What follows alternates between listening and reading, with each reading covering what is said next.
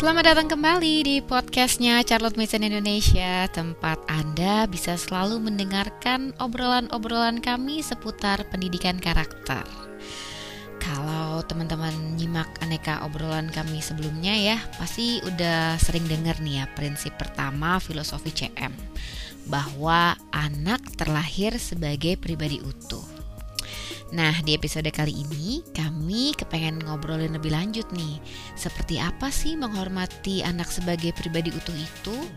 Lalu tindakan apa aja yang CM anggap bisa merusak kepribadian anak? Ada saya Ellen Christie dalam obrolan nanti. Juga ada saya Putri, senang bisa meramaikan episode ini. Dan saya Ayu Primadini, kalau penasaran, segera duduk manis sambil sediakan minuman hangat atau snack ringan biar suasana jadi santai, terus rasanya jadi kayak ikutan ngobrol bareng kami.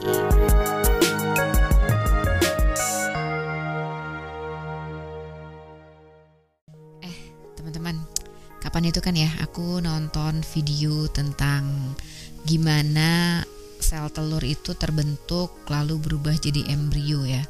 Terus jadi janin, Terus habis itu bertumbuh dari minggu ke minggu sampai akhirnya jadi bayi yang siap untuk dilahirkan. Rasanya terharu gitu ya. Kalaupun sekarang tuh anakku udah dua, udah gede-gede, tapi kalau mikirin tentang gimana dulu mereka terbentuk di rahimku, lalu bisa jadi manusia yang terpisah dari aku tuh, kayak rasanya ajaib banget gitu. dari yang dulunya bayi ya tiba-tiba sekarang udah gede aja. itu videonya pakai yang diiringin lagunya Vina Panduwinata itu enggak? Oh, bukan, bukan. itu, Ada ya? Itu sangat mengharukan sih maksudnya kan kata-katanya juga yang ini ya. Saat engkau tertidur, ku pandangi wajahmu itu oh, kan. Aku tahu itu yang biasa di itu kan acara asi-asi itu tuh. Uh, uh, nah itu ya memang ya uh, aku juga suka sih maksudnya kalau pas anak-anak lagi tidur terus aku ngeliatin mereka ya ampun kok udah segitu ya. Hmm. Kayaknya belum lama yang lalu itu masih pada bayi-bayi gitu kan. Aku suka ngerasa kok kayak masih umur dua-dua, kok anakku udah gede-gede. masih muda terus. Wah yang muda beneran protes. nah ini kan, apalagi sekarang tuh anakku malah sekarang tingginya udah lebih tinggi dari aku nih yang yang gede. Mm -mm, ya, si Vima ya. Oh, oh, jadi kalau jajaran gitu udah wah kalah lah pokoknya jadi memang waktu itu berlalu dengan sangat cepat gitu terus habis itu juga kalau anak tambah besar gitu kan ekspresi dirinya makin muncul ya kadang-kadang mm -hmm. ada percakapan yang nggak terduga gitu misalnya kapan hari itu si Nesya ya mm -hmm. umur lima tahun mm -hmm. waktu itu belum lima tahun dia kayaknya terus dia tuh tanya gini mama kenapa sih kamar mandi itu disebut kamar? aku tuh yang pertanyaannya filosofis sekali ya. Padahal nggak bisa dipakai buat tidur ya, Nes ya.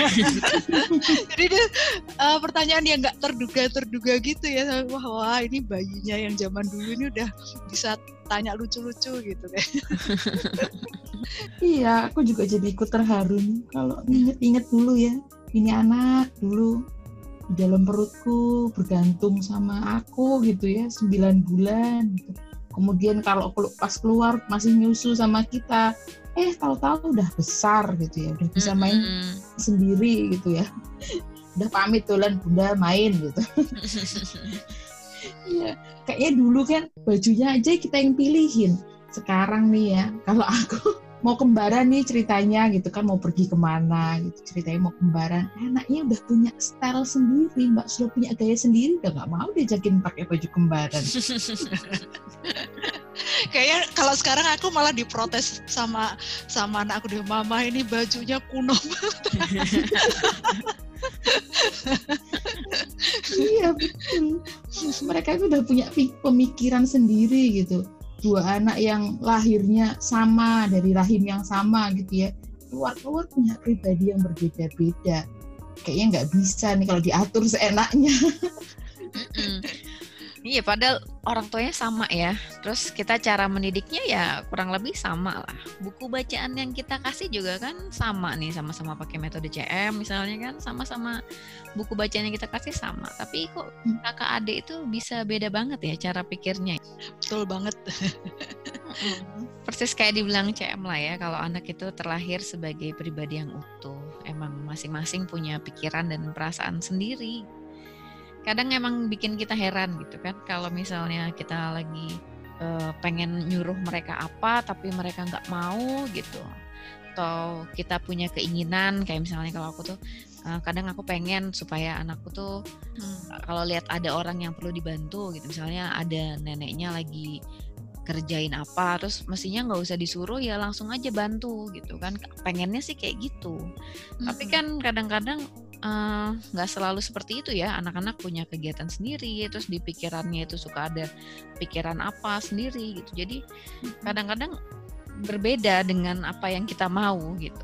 Padahal kan enak banget ya kalau misalnya kita pengen begini terus anaknya nggak usah disuruh itu langsung aja jalan gitu kan kayaknya anaknya hidup bisa baca pikiran gitu.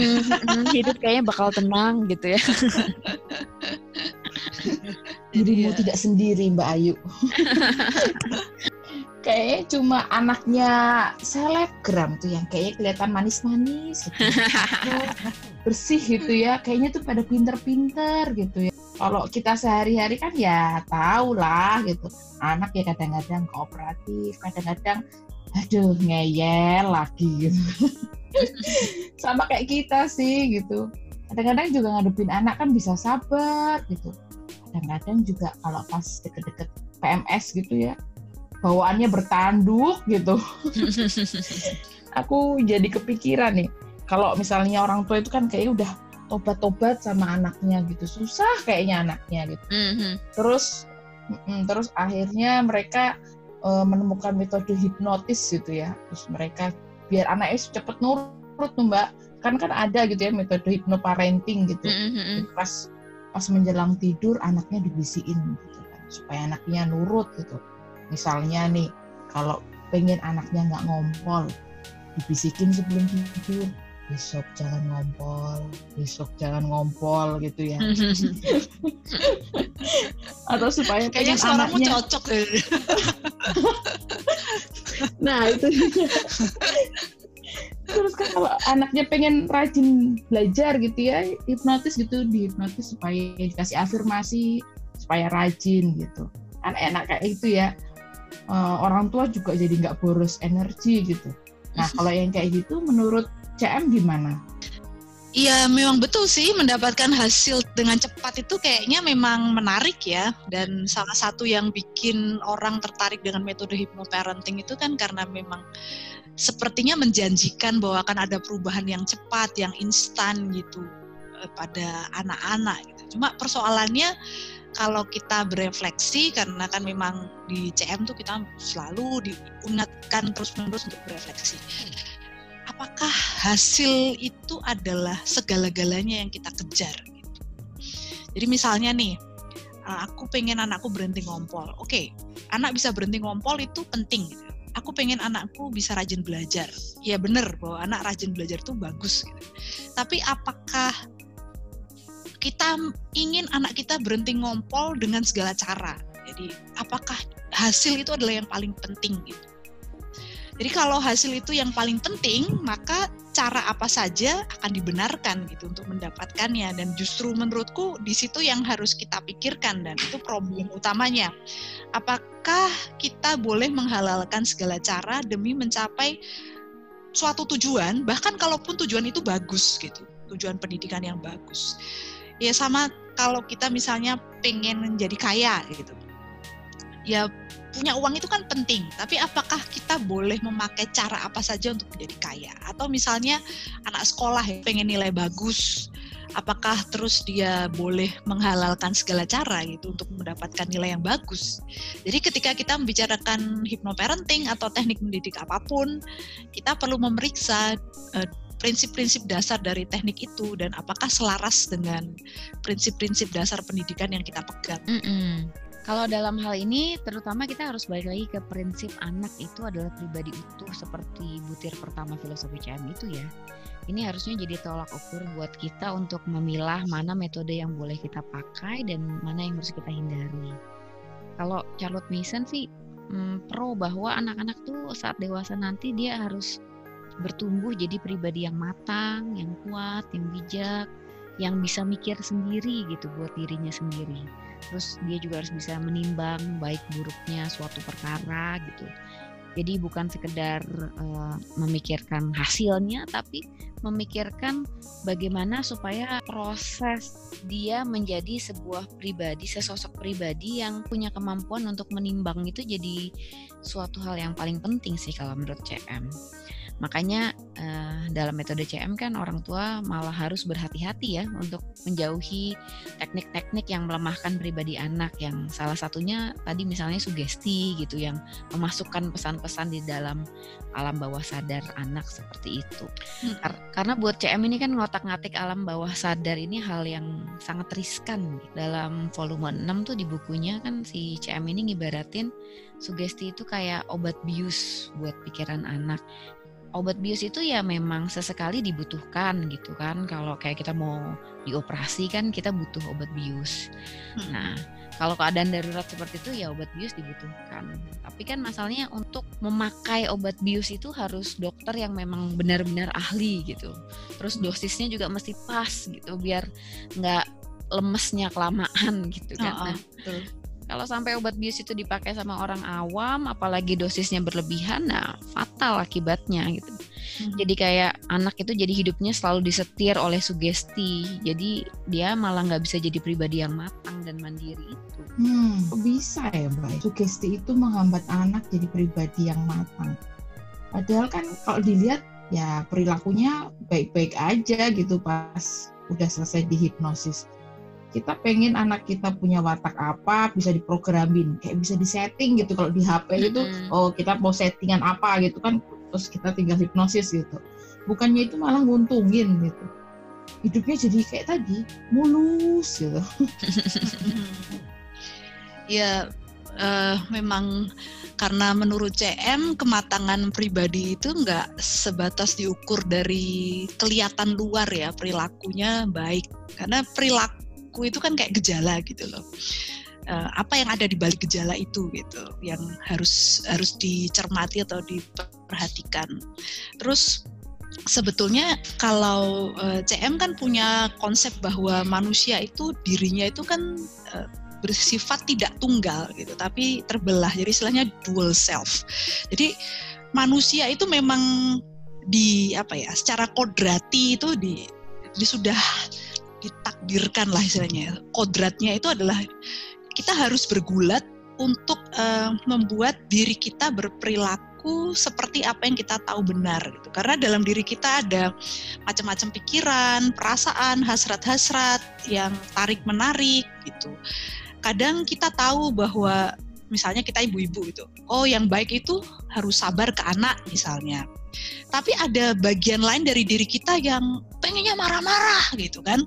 Jadi kalau kita pribadinya matang, maka kita akan bisa mengenali semua yang ada dalam diri kita, terus kita bisa mengelola semua tarik-menarik yang ada dalam diri kita. Kalau CM istilahkan itu orang yang bisa menjadi tuan atas dirinya sendiri. Di antara segala macam tarik-menarik hasrat dalam dirinya, dia bisa memutuskan apa yang mau dia kerjakan. Jadi nih misalnya kita sebagai ibu-ibu, kita tergoda banget nih udah pengen rasanya pengen marah-marah gitu. Tapi terus kita bisa eling gitu ya, memerintahkan hmm. diri sendiri, kalem, kalem, kalem, kalem. Nada rendah, rendah ya, rendah. Tangan awas, awas, tangan jangan jangan nabok, kayak gitu.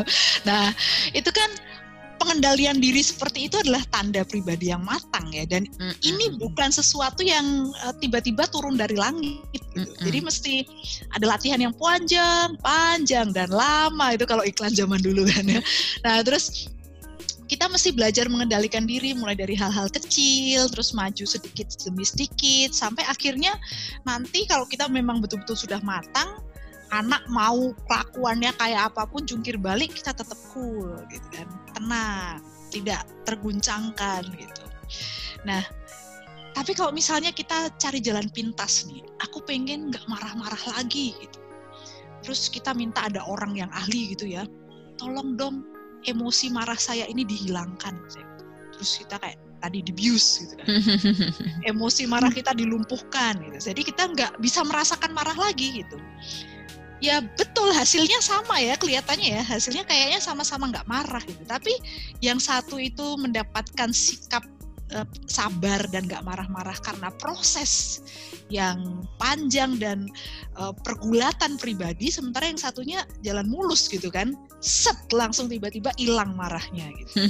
Jadi kepribadiannya malah menjadi hilang gitu. Ada bagian dari dirinya yang hilang gitu jadi kalau dalam perspektif CM sebetulnya segala macam pergulatan, perjuangan, jatuh bangun yang kita alami itu adalah bagian penting dari pematangan kepribadian kita. Hmm, paham, paham, Pak. Siap, paham. intinya, intinya kalau anak ingin berubah itu orang tuanya juga harus berproses bersama anak ya. Nggak bisa itu anaknya aja gitu. Aku juga jadi kepikiran nih sering kali kan anak yang bermasalah anaknya yang dibenerin. Orang tuanya enggak gitu. Padahal kayak anak betul. Kalau misalnya nih anaknya malas ngerjain tugas. Setelah ditelusuri ternyata sebabnya karena selama ini orang tua itu nggak bisa tegas soal aturan jam belajar. Kalau kayak gitu kan yang diubah jelas bukan hanya anaknya aja ya orang tuanya juga kalau misalnya anaknya tadi yang males tuh terus dihipnotis terus mereka jadi terus anaknya jadi rajin orang tuanya kan tetap nggak tegas hmm. tetap nggak tahu cara ngatur jam belajar anak gitu ya hmm. ini bakal muter gitu terus sih bikin masalah baru gitu terus ya hmm. terus uh, karena problem di diri orang tuanya belum diberesin problem di anak jelas muncul terus. Mm-mm. Ini sama kayak anak demam gitu. Orang tuanya cepet-cepet nih ngasih obat turun panas supaya panasnya turun. Ya emang panasnya turun gitu. Tapi penyebab demamnya kan jadi nggak ketahuan. Orang tua itu jadi mm cuma menghilangkan gejalanya gitu. Nggak nyari akar masalahnya gitu ya. Betul. Karena mungkin akar masalahnya itu ada di orang tuanya sendiri ya masalahnya kan ringnya begitu. Masalahnya untuk mengubah diri sendiri itu rasanya lebih menyakitkan dibanding proses ya. mengubah anak itu sendiri kan? Tapi masalahnya yang menyakitkan itu kadang-kadang memang membuat kita bertumbuh ya. Baru aja tadi tuh aku baca bukunya Terry Walsh yang The Walsh Protocol itu loh di bagian hmm. akhir itu dia cerita tentang stres ternyata uh, kita pikir kan hormon kortisol itu yang di, dihasilkan ketika kita stres itu kan tidak baik ya. Tapi hmm. ternyata pada kadar tertentu itu memang tubuh itu membutuhkan hormon itu supaya bisa lebih sehat gitu. Hmm. Nah, termasuk mungkin dalam proses pertumbuhan seperti ini ya. Proses kita bertumbuh, proses kita berubah menjadi pribadi yang lebih baik itu kan kadang-kadang menyakitkan ya. Tapi hmm. ya sebenarnya memang diperlukan kalau tidak ada proses menyakitkan ini bagaimana mungkin kita bisa jadi pribadi yang lebih baik kan? Dan kalau hmm. kita nggak bisa jadi pribadi yang lebih baik gimana kita mau ngebantu anak-anak untuk jadi pribadi yang lebih baik juga ya?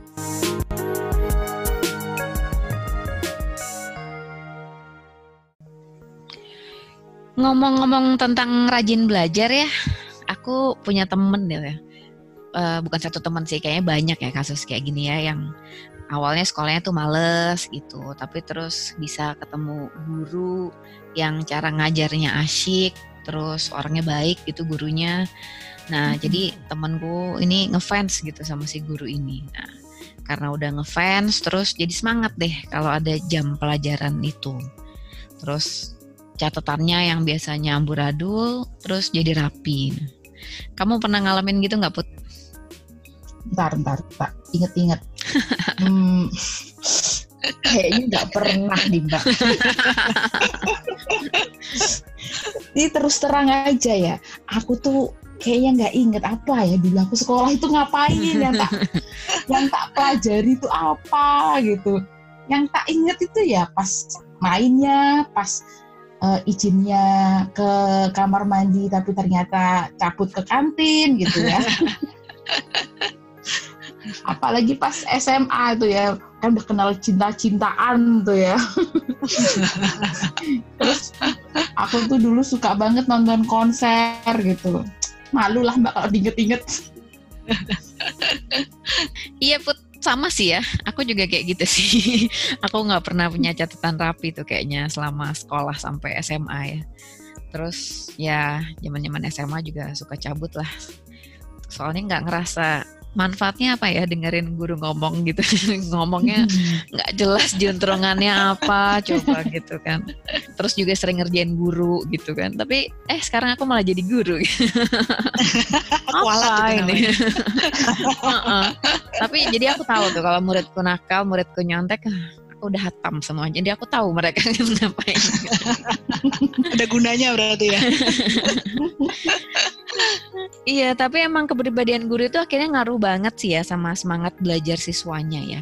Satu sisi kan uh, guru yang semangat mengajar itu jadi atmosfer yang baik ya buat siswa-siswanya di kelas. Tapi di sisi lain uh, siswanya itu kalau gurunya ini terlalu semangat, terus gurunya ini punya pribadi yang baik, nah siswanya bisa jadi malah sukanya sama gurunya gitu. Nah, begitu gurunya ganti, terus pelajarannya jadi nggak suka lagi gitu. Kayak tadi kasus temanku itu kan. Nah kalau CM bilang ini kan karisma ya karisma gurunya yang membuat anak-anak itu akhirnya cinta sama pelajarannya.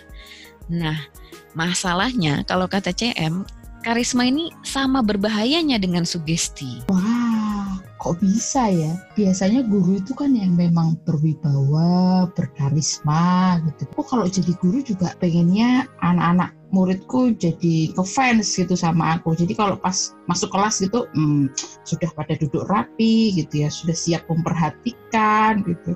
Aku kasih tugas semuanya mengerjakan, kan malah bagus ya Mbak. Proses belajar jadi lancar gitu artinya bagus dari sudut pandang guru gitu. Bagusnya dari sudut pandang siapa. Jadi emang ini ya CM itu kayak menempatkan kita pada porsi yang objektif tuh bagaimana menjungkir balikkan paradigma lama kita gitu. Dan kalau kita refleksikan selain manfaat tadi buat gurunya, kalau dia berkarisma terus anak-anaknya semua pada nurut gitu kan ada bahayanya juga kan berarti kalau mm-hmm. murid misalnya terlalu mengidolakan guru gitu. Soalnya aku sendiri juga pernah punya pengalaman yang benar-benar ngidolain banget gitu ya mm. sosok mm. seorang guru gitu. Terus hasilnya adalah apa pun yang guru itu sampaikan terus langsung aku terima mentah-mentah gitu. Mm. Pokoknya uh, sang guru ini adalah panutan hidupku gitu. Jadi kalau mau memutuskan apa-apa itu patokannya lihat guru itu deh. Ngasih petunjuknya si guru itu gimana gitu. Terus kalau sudah dikasih arahan gitu sama guru ya udah langsung ikut aja gitu kan mm karena ngerasa wah ini guru udah pasti bener deh aku mm. tinggal ngikut aja gitu jadi aku nggak nimbang lagi sendiri gitu sebetulnya saran dia ini tepat apa nggak tepat udah nggak kupikir lagi pasti bener lah ini guru panutanku ini gitu kan -mm. Iya, tapi kalau kayak gitu malah bikin pribadi siswanya jadi nggak berkembang ya. Karena kan jadi ya, ya kayak aku bilang tadi itu, jadi dia belajar karena persona si gurunya itu, bukan karena dia cinta sama pengetahuannya itu ya. Terus juga dia jadi nggak belajar untuk jadi pemikir mandiri, jadi seseorang yang terus bergantung sama gurunya. Jadi melakukan sesuatu itu untuk dipuji guru, bukan karena memang sesuatu itu benar untuk dikerjakan ya tapi anyway aku sendiri tuh nggak paham ya kenapa kok seseorang tuh bisa mengidolakan guru atau nggak harus guru lah idola apa pun ya kalau anak zaman sekarang kan mungkin idolanya selebritis K-pop atau apalah gitu ya aku nggak paham tuh ya kenapa sih orang tuh bisa mengidolakan seseorang Eh, dulu sempet sih ya, aku pikir aku kok aneh ya nggak pernah mengidolakan seseorang. Hmm. Terus aku pura-pura lah mengidolakan selebritis apa gitu kan biar sama ras, dengan yang lain. Uh, uh, uh, tapi kok rasanya aku pikir dulu aku masih SMP tuh aku pikir kok aneh ya. Aku tidak menemukan kenikmatan dengan mengidolakan seseorang gitu. Kenapa orang bisa hmm. mengidolakan seseorang ya? Hmm, mungkin bisa jadi karena keinginan untuk menjadi orang seperti itu, Mbak. Uh, kalau secara psikologis ya sebenarnya semua orang sih secara alamiah akan kagum pada orang yang dia anggap lebih hebat, lebih pinter, terus ya lebih-lebih yang lainnya ya. Uh, walaupun kemudian tindak lanjut tiap orang kan akan berbeda-beda juga tergantung eh, kepribadiannya si orang yang mengagumi ini gitu. Untuk sebagian orang itu kalau sudah kagum rasanya kepengen niru tuh jadi seperti itu. Nah, untuk sebagian orang lagi itu kagumnya mungkin levelnya udah naik lebih tingkat tinggi lagi, akhirnya kayak semacam idealisasi gitu ya. Hmm. Jadi orang yang di, dikagumi itu jadi kayak idealnya ini ya. Inilah standar buat kehidupanku kayak gitu. Nah, terus ada lagi yang lebih ekstrim lagi mungkin idealisasinya jadi makin bablas, akhirnya jadi yang disebut pemujaan atau kultus gitu kepada Hmm. pribadi seseorang. Nah, itu mungkin level yang paling riskan itu ya Hmm. kalau sudah jadi kultus itu kan akhirnya bisa jadi buta gitu loh akan kelemahan dari orang yang dikultuskan gitu. Mm-mm. Itu yang paling ngeri ya kalau orang sudah mengkultuskan seseorang lainnya ya. Karena dia jadi membabi buta gitu kan. Mengikuti apa pun yang diperintahkan oleh eh, seseorang yang dia kultuskan itu. Sama sekali nggak bisa berpikir mandiri. Nah, kalau yang dipuja itu baik, kalau yang dipuja itu nggak baik kan bisa lebih bahaya gitu kan. Ya Iya, bisa ngikut. Mm-mm, bisa melakukan hal-hal yang kayak nggak masuk akal disuruh minum air kencing misalnya kan ada tuh aku pernah lihat ya. iya ada loh saking mengkultuskannya sama orang tersebut terus disuruh minum air kencing terus mau gitu kan terus disuruh terjun ke jurang ada disuruh bunuh orang mau suruh bunuh diri mau kan akhirnya kayak kayak gitu kan ya karena ada pengkultusan terhadap sesuatu Hmm, jadi orang yang ikutan kultus-kultus itu berarti kepribadiannya lemah ya Mbak ya. Hmm, hmm, tapi mungkin mereka nggak sadar sebenarnya itu bahwa pribadi mereka itu sudah dilemahkan. Karena mereka ngerasanya sedang melakukan apa yang benar gitu kan. Sebab patokan kebenarannya sudah dilekatkan kepada si orang yang dikultuskan tadi dan Hmm. pikiran manusia itu kan memang punya kemampuan untuk menipu dirinya sendiri ya. Jadi kalau Hmm. misalnya kita sudah punya keyakinan, maka kita selalu bisa menciptakan alasan pembenar buat keyakinan kita. gitu. Nah makanya tadi kan Ayu nyinggung prinsip CM bahwa sebagai pendidik sebaiknya kita tidak bermain-main dengan karisma. Gitu. Justru kita harus gelisah gitu kalau sampai misalnya anak kita atau murid kita melakukan hal yang baik hanya karena ingin menyenangkan kita. Misalnya nih, uh, ada yang ngomong, pokoknya apa kata Mbak Ellen, aku ngikut deh. Wah, wah, itu kalau ada yang ngomong kayak gitu tuh aku malah jadi wah alarm ini, ini bahaya ini. Gitu. Karena berarti ada yang nggak beres nih antara relasi aku dengan orang itu sampai dia em, apa yang menjadikan aku sebagai patokan kebenaran ya menurutku itu itu nggak bener gitu. Dan harus cepet-cepet diingatkan kalau sampai kita mendengar anak kita ngomong pokoknya asal mama senengnya apa deh pokoknya aku akan melakukan apa saja buat mama misalnya kayak gitu wah itu bahaya gitu. Harus cepat-cepat diingatkan bahwa eh, mama ini atau saya ini bukan patokan kebenaran ya jadi kamu harus belajar berpikir mandiri untuk memilah mana yang benar dan mana yang tidak benar. Ini nggak boleh cuma sekedar ikut-ikutan kepada mama, kepada kepada orang gitu yang dikagumi itu karena bisa saja kan orang salah namanya juga manusia tuh tempatnya Mm-mm. salah gitu Betul. loh.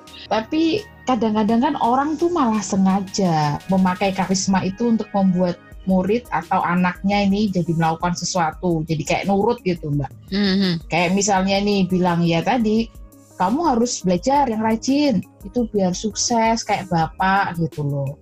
Atau kayak gini nih biasanya nih, kamu sayang nggak sama mama gitu ya? Kalau kamu sayang, ambilin itu dong. Wes kan kayak gitu gitu loh mbak. Kayaknya mendayu-dayu tapi jeblosin ini. Yang kayak gitu sebenarnya kata CM termasuk memanipulasi hasrat anak ya. Soalnya kan sebenarnya anak bisa melakukan hal yang benar, tapi karena kecintaan kepada mamanya ini dimanipulasi, jadi motivasinya berubah gitu. Dia sebenarnya bisa melakukan apa yang benar. Misal tadi disuruh apa? Disuruh ngambilin minum misalnya kan. Sebenarnya dia bisa melakukan itu karena memang mengambilkan minum untuk orang tua ini hal yang benar. Tapi karena diiming-imingi rasa cinta itu supaya mengambilkan minum itu akan membuat orang tuanya senang kan jadi motivasinya bisa berubah. Kalau kata CM tuh di volume 6 dia bilang seseorang dengan kepribadian memikat bisa membuat para muridnya mau melakukan apa pun demi dia dengan sepenuh hati dan militan. Mereka taat sampai ke titik kepribadian mereka lebur. Mereka hidup hanya demi mendapatkan senyuman sang guru. Mereka hancur ketika mata sang pujaan menyorotkan ketidaksukaan. Nah, ini kan ngerusak banget ya jadinya ya. Jadi melakukan sesuatu hanya demi persetujuan. Persetujuan sang pujaan itu ya. Mm-mm. Jadi kalau papa tanya ke ibunya gitu ya, e, ibu aku boleh gini enggak? Aku boleh itu enggak? Berarti itu termasuk efek buruk dari karisma dan sugesti tadi ya? Kalau terus menerus kayaknya iya ya. Kalau anak-anak dikit-dikit jadi nanya uh, mau ngapain dikit tanya dulu gitu jadi kayak candu ya sebenarnya ya. Karena emang sugesti ini nyandu sih. Hmm. Sekali dapat sugesti terus pengen lagi dapat sugesti lagi, pengen dapat saran lagi terus-terusan gitu. Yang bikin bahaya ini kan jadi kayak bikin seseorang nggak bisa ngapa-ngapain kalau nggak dikasih sugesti atau nggak dikasih saran gitu kan ya. Kalau aku dulu waktu pas ngajar TK tuh pernah punya murid yang kayak gini nih soalnya kan. Awalnya tuh dia minta ajarin gimana sih cara nulis yang benar gitu terus kan aku ajarin cara megang pensilnya gimana tapi dari hal-hal sederhana kayak gitu kayaknya dia tuh suka gitu dengan saran-saran yang aku kasih. Dan makin lama makin ketergantungan. Dikit-dikit minta saran dikit-dikit nanya boleh nggak miss? Kayak gini gitu. Boleh nggak ngelakuin ini gitu. Sampai sempet loh ya jadi dia disuruh temennya dikerjain gitu sama temennya masuk ke kolong meja. Sampai dia tuh teriak Miss Ayu what should I do? gitu. Padahal kan sebenarnya tinggal keluar doa aja gitu ya dari kolong meja dia nggak mau sebenarnya masuk ke kolong meja gitu tapi hmm. karena dia sudah ketergantungan dengan saran untuk bisa keluar dari kolong meja aja dia minta saran gitu di situ aku terus mikir wah ini kayaknya nggak sehat ya kalau emang kita tuh ngasih saran terus menerus sama anak-anak tuh dia jadi uh, ketergantungan banget sama saran-saran kita ya dan guru hmm. jangan bangga ya kalau kayak gitu ya. Hmm. Jadi jangan pernah merasa bangga kalau muridnya tuh malah jadi apa-apa harus selalu minta persetujuan atau saran atau pokoknya nggak uh, seolah-olah nggak bisa hidup tanpa kita gitu tuh malah kita harus harus waspada jangan bangga. Malah ngerepotin sih sebenarnya kalau aku pribadi merasakannya kan jadi jadi banyak terus gitu ya mbak? iya tugas kita kan banyak ya kerjaan kita banyak. Kalau ada satu murid atau anak gitu terus dikit-dikit nanya dikit-dikit nanya minta saran gitu kan ini apa sih? gitu kan jadi yang kayak gitu banget kan Eh, jadi macam-macam ya rambu-rambu yang dikasih CM untuk menghormati anak sebagai pribadi ini. Orang tua itu pasti pinter-pinter berefleksi itu harus reflektif banget ya. Soalnya secara alamiah nih nggak sadar gitu. Kita kan sukanya instan untuk supaya cepat lihat hasilnya gitu kan. Jadi sering nggak menelaah cara yang ini tuh udah bener apa enggak ya. Cara ini tuh udah tepat atau belum ya Mm-mm. Ini anak ini nurut beneran gitu, nurut beneran karena paham atau dia nurut karena sugesti sama karisma kita gitu. Mm-mm. Tipis tuh ya Terus, bedanya ya. nggak kerasa mbak kadang-kadang kan. Mm-mm. Terus caranya supaya anak bisa jadi pribadi yang mandiri nih, nggak gampang kena sugesti dan karisma itu, itu gimana? Kalau kata CM kan pendidikan itu harus datang dari dalam ya, self education. Nah, untuk bisa melakukan sebuah pendidikan yang prosesnya dari dalam itu kata kuncinya balik lagi ke yang namanya ide ya.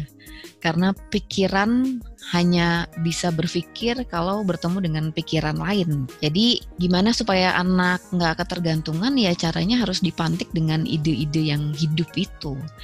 Baliknya hmm. lagi nanti ke living books gitu kan. Nanti dari living books itu dari membacakan anak buku-buku yang hidup, nanti mereka kan pikirannya akan tergugah. Nanti setelah hmm. dia membacakan, eh, setelah dia membaca living books, setelah itu dia akan narasi. Proses narasi ini kan akan membantu anak-anak untuk berpikir secara mandiri ya. Jadi mengasah kebiasaan berpikirnya mereka juga. Nah, ketika pikirannya sudah terpantik, kebiasaan mengunyah ide atau narasi itu akhirnya terlakukan juga. Jadi lama-lama hasrat akan pengetahuannya terpupuk kan. Nah, kalau hasrat akan pengetahuannya terpupuk, jadi dia melakukan sesuatu ya memang karena pengetahuan gitu, karena bisa memilih apa yang benar. Kalau CM juga menekankan tentang pentingnya membantu anak-anak untuk mengenal diri mereka sendiri sebagai manusia dengan segala macam uh, kelebihan dan kekurangan kita sebagai manusia, segala macam hasrat-hasrat kita. Makanya CM kan menulis satu buku khusus judulnya Ourselves untuk membantu anak-anak itu bisa dibaca mulai usia pra remaja sampai remaja agar mereka kenal gitu bahwa oh di dalam diriku ini ada hasrat untuk uh, mencari teman. Tetapi hasrat ini juga akan bisa membuat aku termanipulasi. Demi menyenangkan temanku aku bisa melakukan hal-hal yang konyol gitu. Oh aku ini punya hasrat untuk uh, dipuji orang tapi hasrat ini juga bisa membuat aku termanipulasi demi mendapatkan pujian guru atau mendapatkan pujian orang lain, aku bisa merusak diriku sendiri gitu kan. Nah, hal-hal seperti itu yang CM bilang penting banget sebetulnya diajarkan kepada anak-anak karena tanpa pengenalan diri yang baik, yang menyeluruh, maka ilmu yang banyak pengetahuan teoritis yang banyak itu bisa jadi uh, tidak berhasil membawa anak menjadi pribadi yang matang karena seperti kita lihat sekarang juga sih banyak orang yang pinter-pinter gitu mungkin gelarnya sampai S2, S3 atau bahkan profesor tapi begitu sudah kena ininya ya aspek emosinya misalnya gitu karena nggak suka sama orang itu bisa kemudian melakukan hal yang konyol gitu. Hmm. Jadi orang-orang pinter bisa melakukan hal-hal yang bodoh kan. Atau orang pinter pun bisa melakukan kultus gitu kepada apalah guru spiritual lah atau apa gitu kan sampai akhirnya melakukan hal-hal yang konyol juga gitu. Jadi penting sekali uh, buat anak untuk dikasih self knowledge gitu. Kesadaran akan uh, macam-macam potensi yang ada dalam dirinya baik potensi menjadi uh, ke arah yang baik maupun potensi ke arah yang buruk. Nah, itu nanti kalau digabungkan dengan yang Ayu sampaikan tadi kan ada ide-ide yang kaya, terus kebiasaan berpikir mandiri, ditambah lagi dengan pengenalan terhadap diri sendiri, maka anak akan lebih tidak mudah tersugesti ya. Jadi karena dia uh, punya banyak wawasan, jadi kalau ada orang ngasih pendapat gitu, dia akan bisa membandingkan dengan banyak pendapat orang lain gitu. Jadi nggak akan menerima mentah-mentah begitu saja pendapat dari satu orang. Terus dia juga akan mengolahnya sendiri dan dia juga akan mengenali apa ya eh, perasaan emosional saya kepada orang ini. Apakah eh, apakah saya kemudian memutuskan untuk melakukan saran orang ini karena saran ini benar atau hanya karena saya haus akan uh, persetujuan dari dia kayak gitu. Nah, itu penting sekali kemampuan untuk berefleksi seperti itu dan kita berharap dengan pendidikan pengenalan diri plus ide-ide yang kaya ini anak-anak akan jadi pribadi yang Hmm. Masalahnya pendidikan yang seperti itu sekarang ini luput ya, karena kan banyak orang akhirnya fokus ke proses pendidikan hanya fokus ke bagaimana cara mengajarkan mata pelajaran-mata pelajaran tertentu ya. Padahal uh, seharusnya kan mata pelajaran itu jadi media untuk anak-anak membangun pribadi atau karakternya itu ya. Termasuk nanti kita butuh juga untuk memberikan anak-anak kemampuan untuk mengenali dirinya sendiri tadi ya. Aku jadi ingat tuh ada kutipan puisi yang di uh, mention sama CM di volume 4 tuh dari Tennyson yang dia bilang satu-satunya cara untuk bisa berdaulat itu adalah kemampuan untuk uh, menghargai diri sendiri, kemampuan untuk mengenali diri sendiri dan kemampuan untuk mengendalikan diri sendiri ya. Jadi ini salah satu proses pendidikan yang penting banget ya buat anak-anak kita ya. Dan buat kita juga. ya betul ya kita juga harus mengenal diri sendiri juga. Betul betul. Karena kita sudah sekian tahun hidup ternyata kita juga kurang mengenal diri kita sendiri jangan-jangan kan? Oke, kalau gitu terima kasih teman-teman semua sudah mendengarkan obrolan kita hari ini. Mudah-mudahan bisa membantu proses berefleksinya ya. Uh, sampai ketemu minggu depan ya dalam obrolan-obrolan pendidikan karakter kita yang lain uh, tetap di akun yang sama, akun podcastnya Charlotte Mason Indonesia.